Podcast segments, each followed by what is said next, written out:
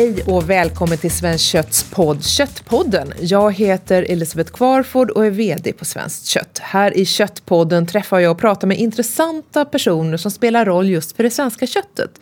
I det här avsnittet har vi med oss Emilia Astrenius Widerström, mjölkpiga, framtidens landsbygdsföretagare och ordförande för LRF Ungdomen samt 50-talsfantast. Hej och välkommen Emilia! Tack så jättemycket! Hur skulle du vilja beskriva dig själv?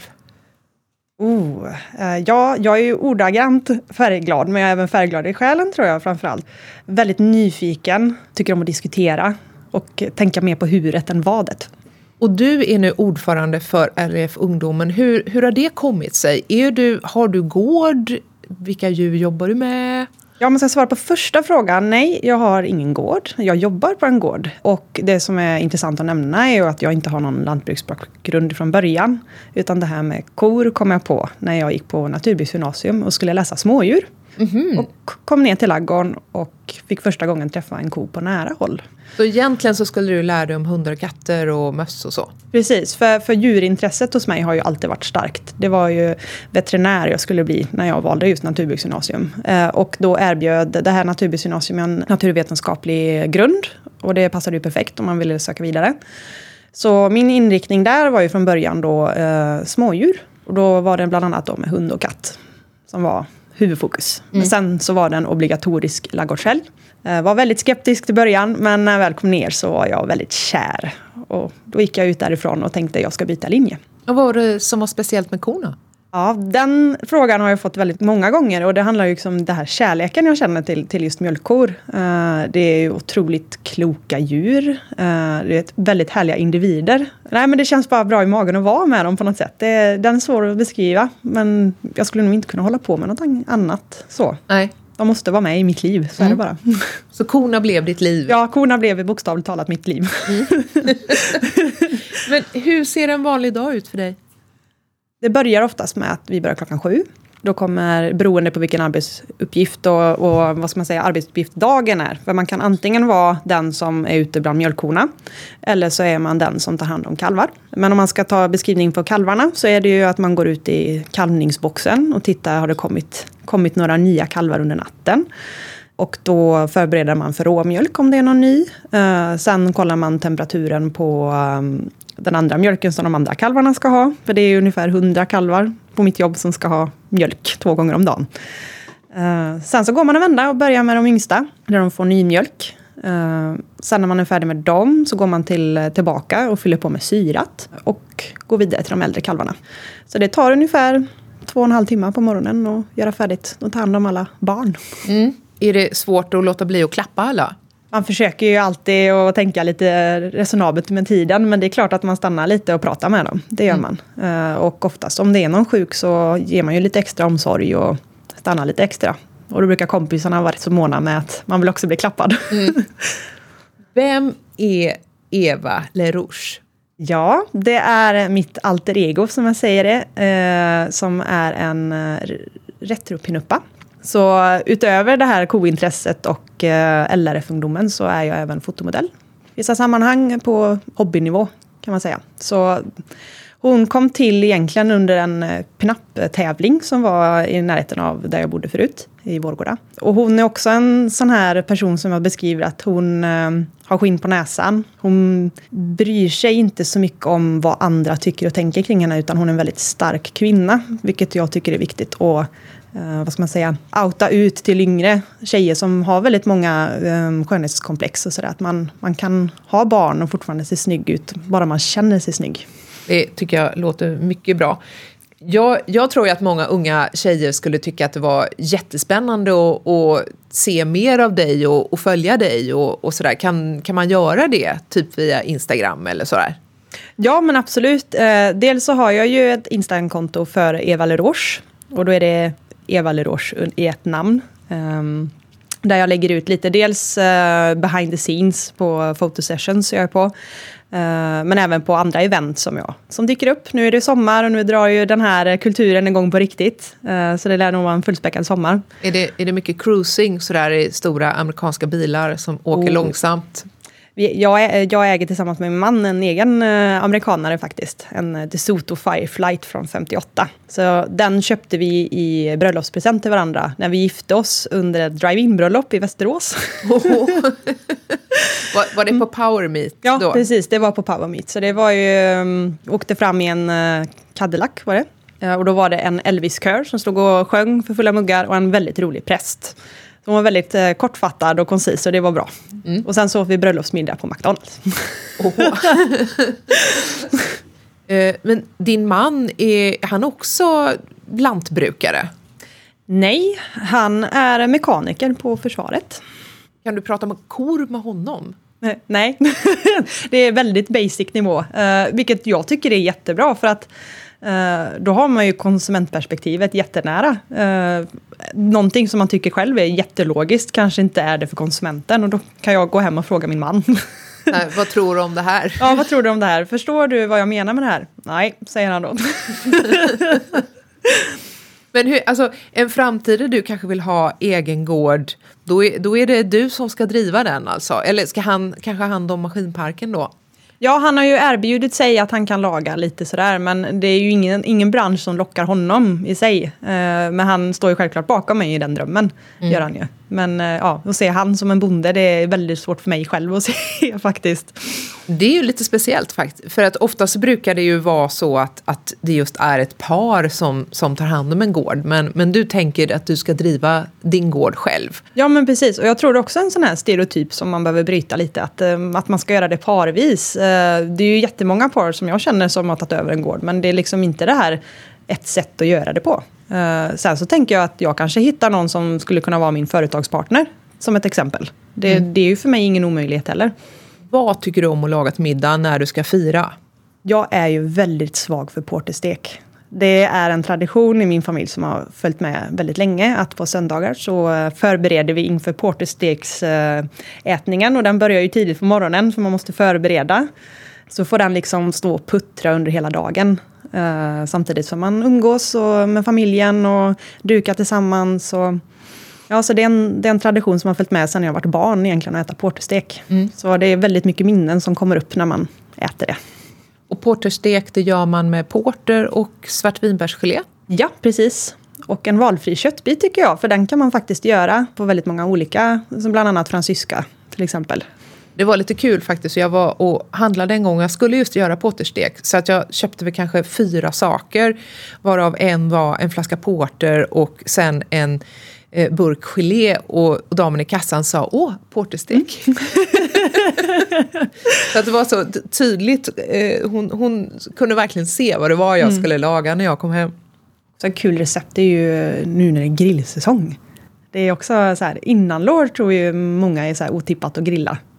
Eh, Men eh, om man har, tänker liksom slow cook på grillen så är ju den en fantastisk bit att tillaga.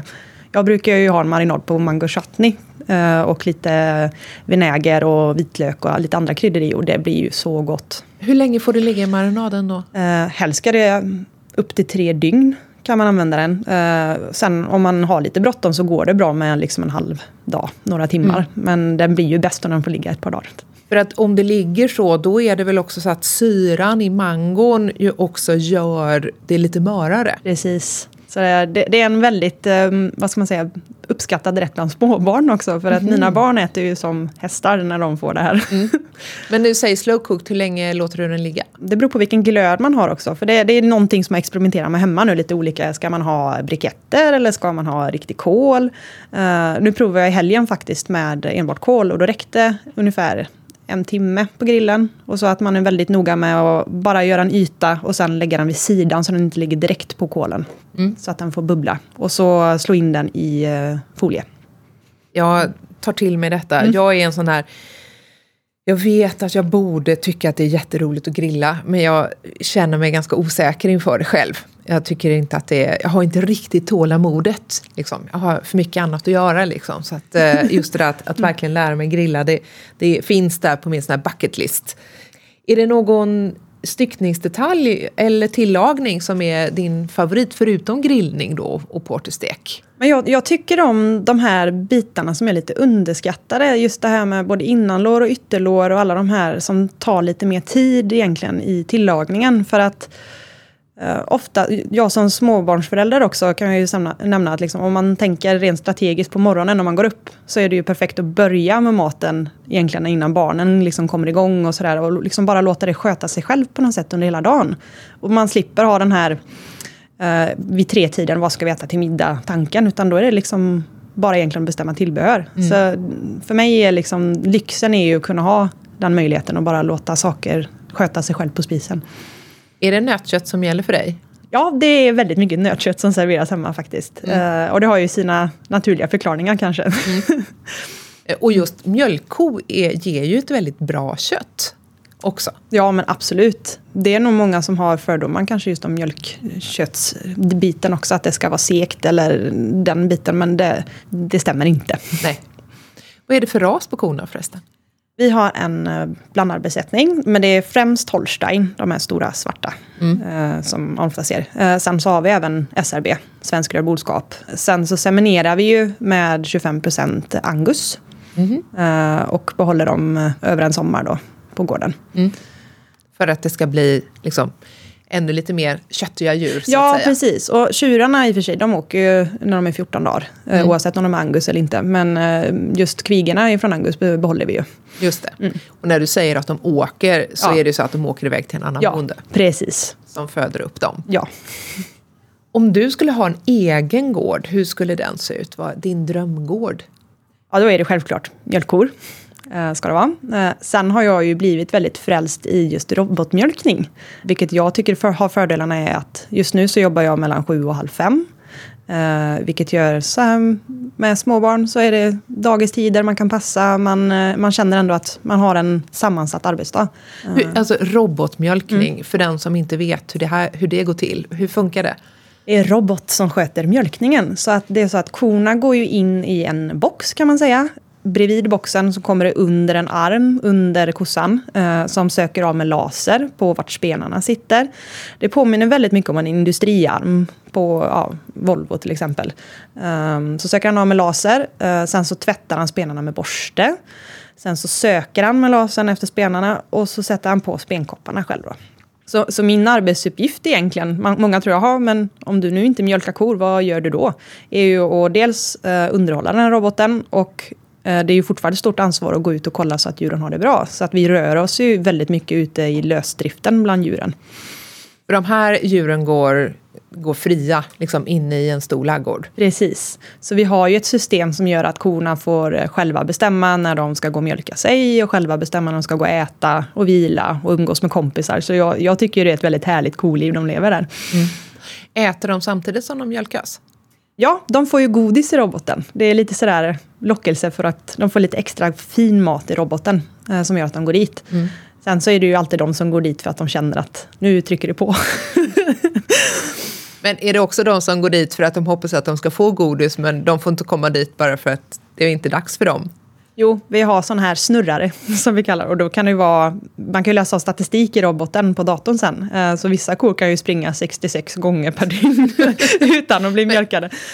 Utan att bli mjölkade? Så ja. att de kommer inte in alltså? Nej, jo okay. de, kommer, de får gå igenom roboten. Uh, och då tänker de säkert att ah, det kan ju vara någon som har lämnat lite rester som jag kan ta. Ah, ja. Men det är aldrig någon som har lämnat några rester? Nej, det, det är väldigt sällan det händer. Mm. Man kan ju alltid hoppas, tänker jag. Jo, precis. Gång på gång ja. på gång. Uh, du har ju sagt att du önskar att du ska kunna bryta stereotypen av, av en lantbrukare eh, och att man inte måste vara på ett visst sätt för att satsa på jordbruk. Eh, hur, hur har det gått med det? Ja, det är ett arbete under process som man kallar det. Eh, men jag tror det är också viktigt att visa även andra ja, men utanför eh, vad ska man säga, landsbygdens gränser att man behöver inte vara eller se ut på ett visst sätt för att kunna jobba inom det gröna näringslivet. Att det är ju som vilket annat jobb som helst som vi har i samhället, att det behövs. Vi behöver definitivt bli fler. Eh, och mat är ju någonting som alltid kommer behövas. Så jag hoppas ju att jag ska kunna locka in fler yngre och tänka att bortsidan för det att man behöver inte ha någon gård ifrån början utan det går att komma in i det här också. Mm man brukar ju säga så här att folk blir vuxna senare och senare. Men jag tycker, har inte just LRF Ungdomen dragit en bit långt när man kan vara medlem tills man är 35? Det kan man tycka. Ehm, det var ju lite innan min tid jag kände att man bestämde det där, men samtidigt så så ser vi ju att det är ju där någonstans man, man också är klar med, med det här med familjebildandet. Vad ska jag bli? Um, mitt företag, går det, liksom är det starten? Så att jag tror ändå att det är nödvändigt att man är liksom, tills att vi har till 35 för att jag tror vi kan täcka in väldigt många olika faser i livet där också på vilka frågor som står där. Sen ska vi nämna att vi är ju inte den äldsta medelåldern i Europa i Sverige. Att vi är ju en ganska ung kår med lantbrukare i Sverige. För annars är det ju någonting som man talar ganska mycket om med oro, just att återväxten inte mm. är tillräckligt bra. Att mm. det inte är tillräckligt många unga personer som vill bli, jobba på gård, antingen som du, att, att vara anställd på gård eller driva gård mm. själv. Mm. Och där kan jag ju titta på sådana då som inte har någon lantbruksbakgrund. Jag, jag kom ju in på det här på ett bananskal egentligen. Det var ju en ren slump att jag hamnade nere i laggården. Jag tror många inte ens vet om att de här yrkena finns. Och hur de fungerar och vad, vad det är som är liksom som krävs. Och det är kanske inte heller någonting som föräldrar uppmuntrar. Nej, det, det, kan jag ju säga att jag har ju haft, hade ett väldigt starkt stöd hemifrån och våga göra det som jag har gjort. Och det ska jag inte sticka under stolen med att min syokonsulent undrade varför jag skulle söka till ett naturbruksgymnasium när jag skulle egentligen söka naturvetenskapligt. Mm.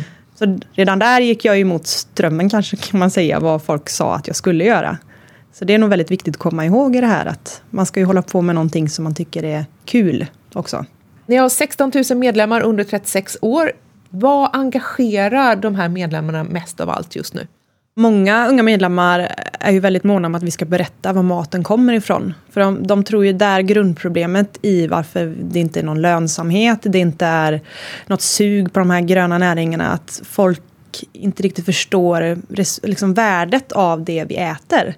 Och det är ju många medlemmar som uttrycker viss frustration att det är en mycket längre story att berätta idag för konsumenten än vad det var för 20 år sedan till exempel. Och att man märker att man får börja på en mycket lägre nivå för att få förstå varandra i det olika. För det är ju lätt att snöa in på yrkesmässiga prat, som när jag pratar om kor, då kan jag nörda ner mig totalt.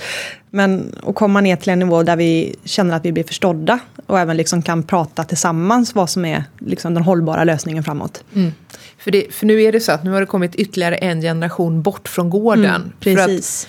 För att, eh, de flesta etniska svenskar har ju sina rötter på en gård och, och för 40 år sedan så var det mycket närmare. Mm. Eh, nu har det gått två generationer och eh, man har kanske inte morfar och mormor kvar på landet och åka och hälsa på på sommaren eller något sånt. Man kanske aldrig har varit ute på en mm. gård. Och sen så är ju självklart eh, generationsväxling ute på gårdarna en stor eh, fråga för unga medlemmar. Eh, dels för att de känner frustration till att det är så höga kostnader till att ta över. Eh, man känner att man vill hinna med lite annat innan man tar över gården hemma också. Eh, att man vill skapa sig en ut utbildning och en uppfattning av företagandet innan man ger sig in i ett generationsskifte. Det tar... För att det inte ska vara som mamma och pappa har gjort? Nej men precis. Mm. Uh, och att man kommer till insikten att det tar så himla lång tid med ett generationsskifte. Att det är liksom en tioårsperiod man pratar om när man säger nu ska vi generationsväxla här. Och hur man ska kunna förenkla den vägen på ett helt annat sätt och kan fokusera på de mjuka värdena. Varför tar det så lång tid? Dels så är det ju eventuellt kanske syskon som ska lösas ut på, på gården hemma. Uh, hur ska formerna vara? Ska man ha aktiebolag eller ska man fortsätta enskild firma? Vem ska jag prata med om de här frågorna? Och vart får jag stöd ifrån banken? Det kan ju också vara en, en sån grej. Uh, vilket gör att många unga känner sig osäkra inför det här med att bli företagare. Och de som inte har någon gård? Ja, de som inte har någon gård, ja. um, Det kan jag säga att det är ju en liten attitydförändring vi behöver göra i branschen också. Eh, för det första argumentet jag hörde när jag kom in var ju att antingen så kommer du få gifta dig till en eller ärva. Och med den inställningen så kommer vi aldrig få någon ny rekrytering in i det gröna näringslivet. Nej, där, där får man liksom hitta andra lösningar för liksom, generationsskifte med personer som kommer in utifrån. För visst är det så att vi har en väldigt stark tradition i Sverige av just familjegårdar mm. som, som går i arv. I Holland till exempel, där, där köper man och säljer gårdar på ett helt annat sätt. Här är det på något sätt liksom så här, fötterna ner i myllan och där ska mm. de vara. Mm. Eller så ger man sig av. Mm. Ja, och där tror jag också liksom det är något starkt i oss att vi ska äga en gård också. Vad, vad säger emot egentligen att vi kanske kan eh, hyra en gård med besättning till exempel, eller liksom på ett helt annat sätt än vad vi kanske gör idag? Jag tror att det finns andra sätt att göra det här på och det är väl därför jag är så engagerad också i just LRF-ungdomen. Att det måste finnas andra sätt till att snabba på det här. Hur funderar du själv på nu framöver? För idag är du anställd, du mm. jobbar halvtid för att du har en dryg halvtid som eh, ordför ditt ordförandeskap tar. Men sen när den här perioden är över, hur, hur ser du på framtiden? Just nu så känner jag att framtiden blev väldigt mycket större framför allt. Eh, just med tanke på det här uppdraget. Eh, men någonstans så ropar ju mitt hjärta efter de här korna. Så det är ju min långsiktiga plan att jag ska bli gårdsägare. Eller hyrare, om man säger. Nu ska sitta jag och förespråka mig själv här. Men det är ju fortfarande det är ju inom de här näringarna jag vill hålla på. Och jag känner ju ändå att mitt påverkansarbete är inte färdigt än. Det kanske krävs mer utav mig efter det här också. Hur upplever du att unga som inte har så mycket kontakt med lantbruk idag, hur, hur ser de på bönder? Hur, framförallt hur ser de på köttbönder? Det är ju en tolkningsfråga samtidigt som jag har ju mött många ungdomar som inte har eh, någon anknytning till just lantbruk. Och de är faktiskt mer genuint nyfikna på, på hur, hur gör ni, hur gör man? Och ofta så kommer de ju med argument som de kanske har läst någonstans eller liksom tagit rakt av. Och då får man ju komma och förklara istället, så här fungerar det. Eh, men jag tror ju att den yngre generationen är mer öppet på att det finns alternativa sanningar i mycket också. Det känns som att de är mer kritiska till vart det här kommer ifrån. Mm till var köttet ja, kommer till var ifrån. Kött, köttet kommer ifrån. Och hur precis. djur föds upp. Och... Ja, och att det är skillnad framförallt. Att det är skillnad mellan om man ska titta på svenskt eller rent globalt också. Att vi mm. har ju andra förutsättningar här i Sverige än vad vi har exempelvis i Australien eller någon annanstans. I ett tidigare avsnitt av Köttpodden hade vi Lovisa Sterner här och hon jobbar på Ungdomsbarometern. Mm. Eh, och hade hon varit här så skulle hon ha hållit med dig och sagt att det här är exakt vad vi har hittat när vi har gjort Ungdomsbarometern att eh, unga ifrågasätter men de har också, de som äter kött vill att det ska vara svenskt. Mm. Och det har satt sig ganska rejält faktiskt hos eh, unga köttätare. Och det är ju glädjande att det har kommit fram. Eh, och, och, samtidigt så finns det ju också kritiska röster som, som kan bli ganska intensiva också. Och, och hur upplever unga lantbrukare det? Det är liksom så här, man rör sig på, i sociala medier, eh, möter mycket kritik, eh, till och med liksom, kosläpp som blir störda och, och eh, personer som, som dyker upp utanför gårdsgränsen och, och så för att ha synpunkter på, på det man gör. Mm. Ja, det här är ju självklart bekymrande för unga medlemmar också. Eh, dels för att man känner att man inte kan svara upp på sociala medier längre på samma sätt, just för att det blir så personliga påhopp med en gång. Eh, och det i sin tur blir ju negativt för att då vågar man ju inte komma med och berätta på hur, hur funkar min verksamhet och så här gör vi här. Och för mig så är handlar ju det här inte om varken klimat eller miljö på något sätt, utan det här handlar mer om moraliska värderingar på att äta kött eller inte och att det är upp till var och en att besluta själv eh, på var mina moraliska värderingar ligger. Eh, och att det är egentligen oacceptabelt att man inte kan respektera varandra som medmänniskor där. Mm. Och det tycker jag är jättesynd också, för att sociala medier har ju öppnat en jättedörr egentligen på att kunna informera och diskutera med varandra. Och att det används på fel sätt, det är ju egentligen väldigt beklagligt. För att det, egentligen ska det vara tvärtom. Alltså vi ska kunna veta allt om varandra och så sitter vi och skäller på varandra istället. Det är mm. lite ironiskt faktiskt.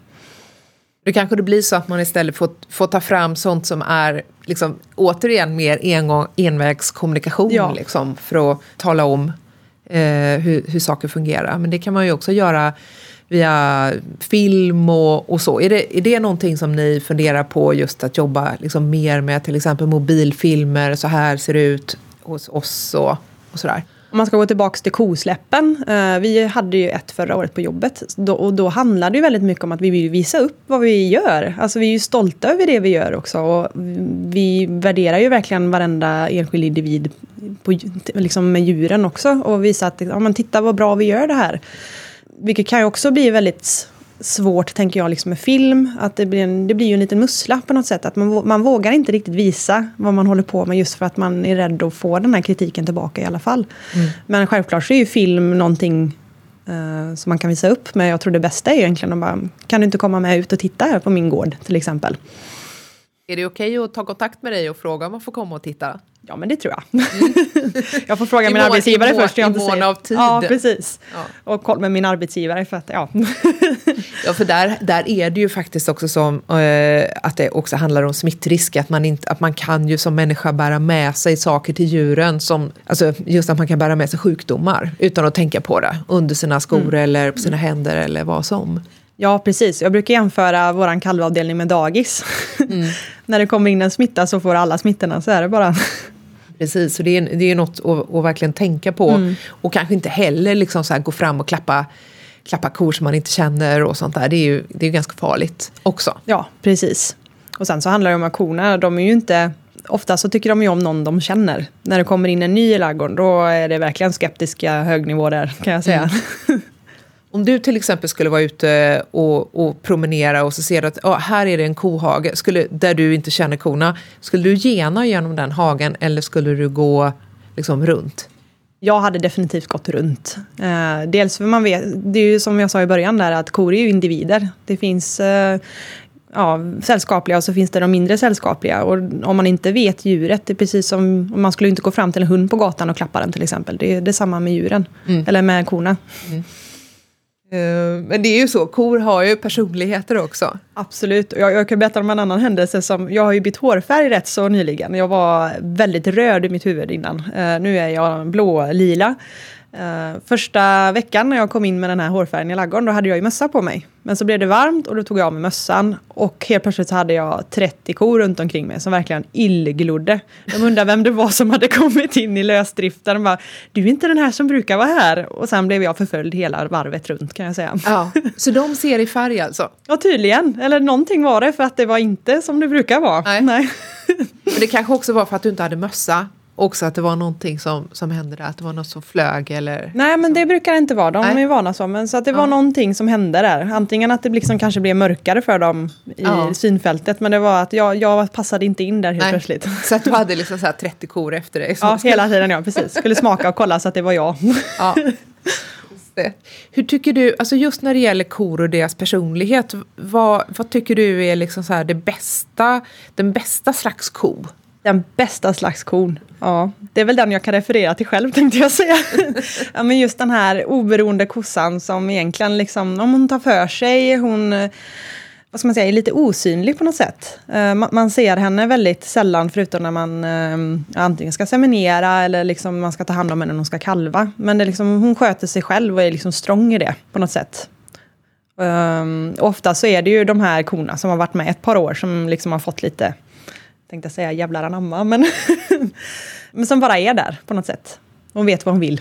Visst är det så att det finns ranking inom kon, kovärlden? Ja, oh ja, det, det finns det. Uh, så det är verkligen alltid när man ser att det är en ko som, som har lite in charge position så, så skingrar sig resten av skaran när hon ska gå fram och äta. Som på en skolgård alltså? Ja, men precis. Det är alltid de äldsta barnen som bestämmer. Mm. Så hon kan säga till andra att nu ska inte du äta för nu ska jag äta. Ja, precis. Eller nu får ni inte stå här och bråka. Och så ger hon en buff åt sidan och så är det klart sen. Liksom. Mm. Mm. Och, då, och de lyder henne då? Ja, precis. Ja. Då, då, då, viker skaran sig iväg. Liksom. Så att hon är duktig på mobb, eller så här, undvika mobbning också. Mm. Men du, på, på gården där du jobbar, är, är, är det fler som är anställda? Ja, det är vi. Jag försöker alltid hålla koll på hur många vi är. Men det är ungefär fem stycken som jobbar inom uh, i laggården, om man säger så. Sen så är det två som alltid jobbar ute, ute på gården. Lagar maskiner och, och fodrar och sånt då. Mm.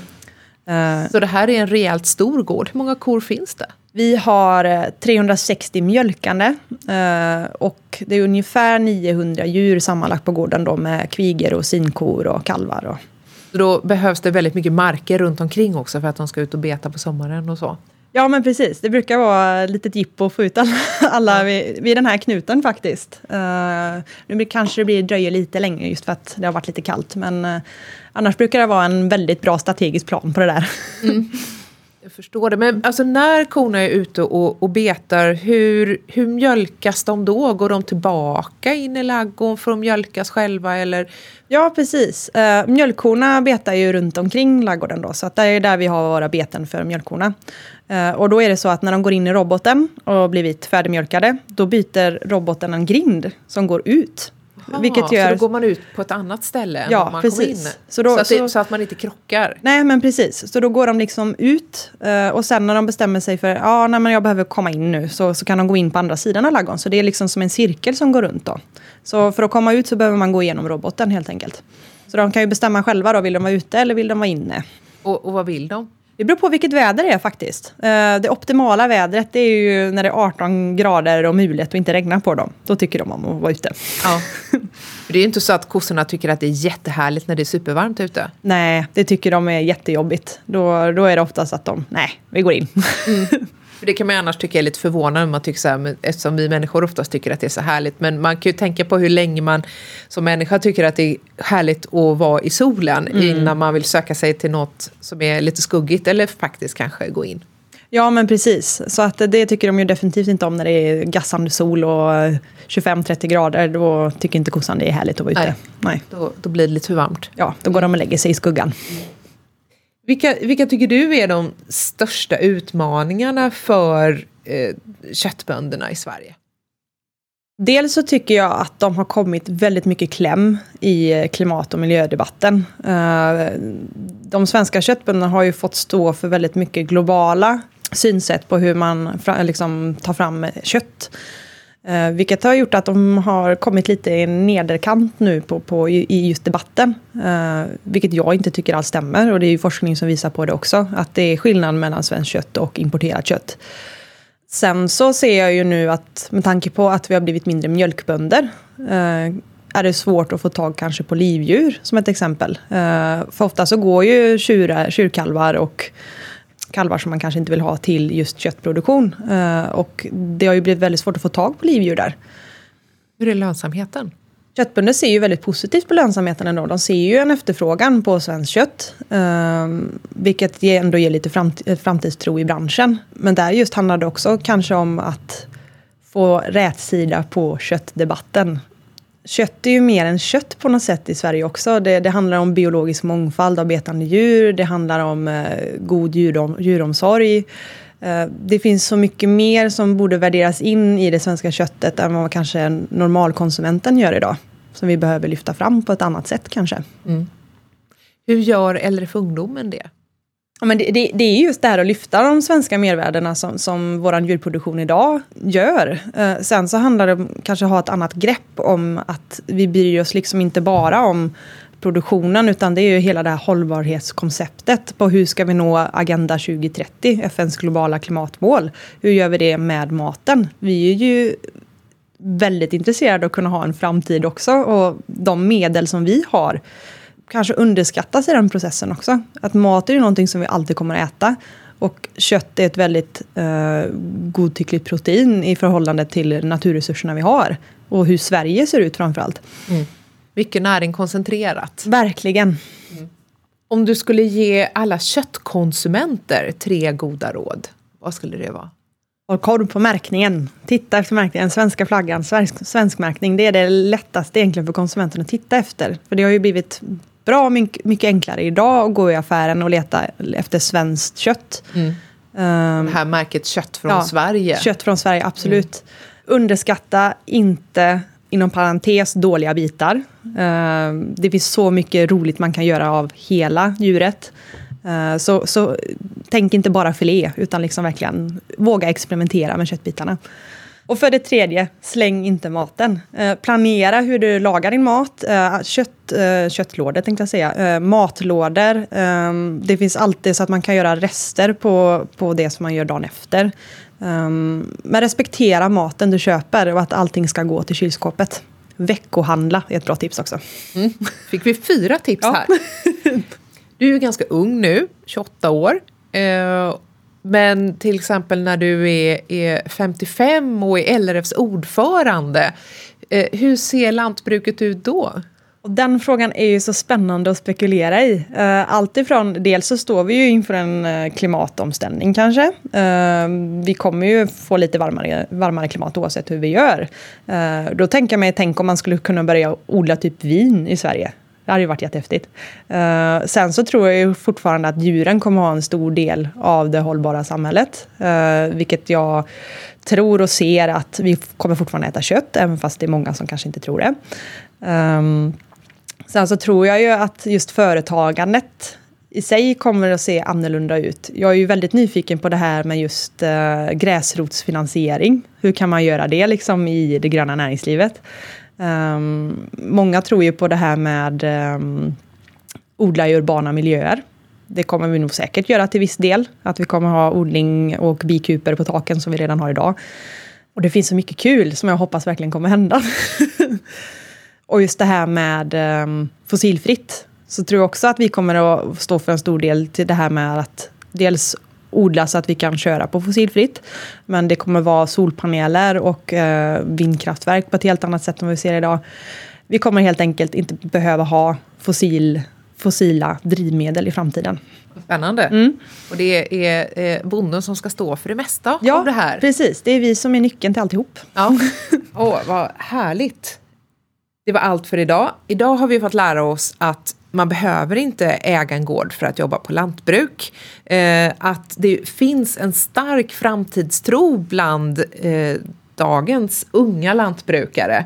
Eh, och att porterstek, den, den går alltid hem så. Synpunkter och tips tar vi gärna emot på sociala medier. Vi finns på Twitter, Instagram, Facebook där vi heter Svenskt kött. Tyckte du om Köttpodden så sätt gärna ett betyg eller skriv en recension på iTunes eller där du hittade oss. Vi hörs snart igen.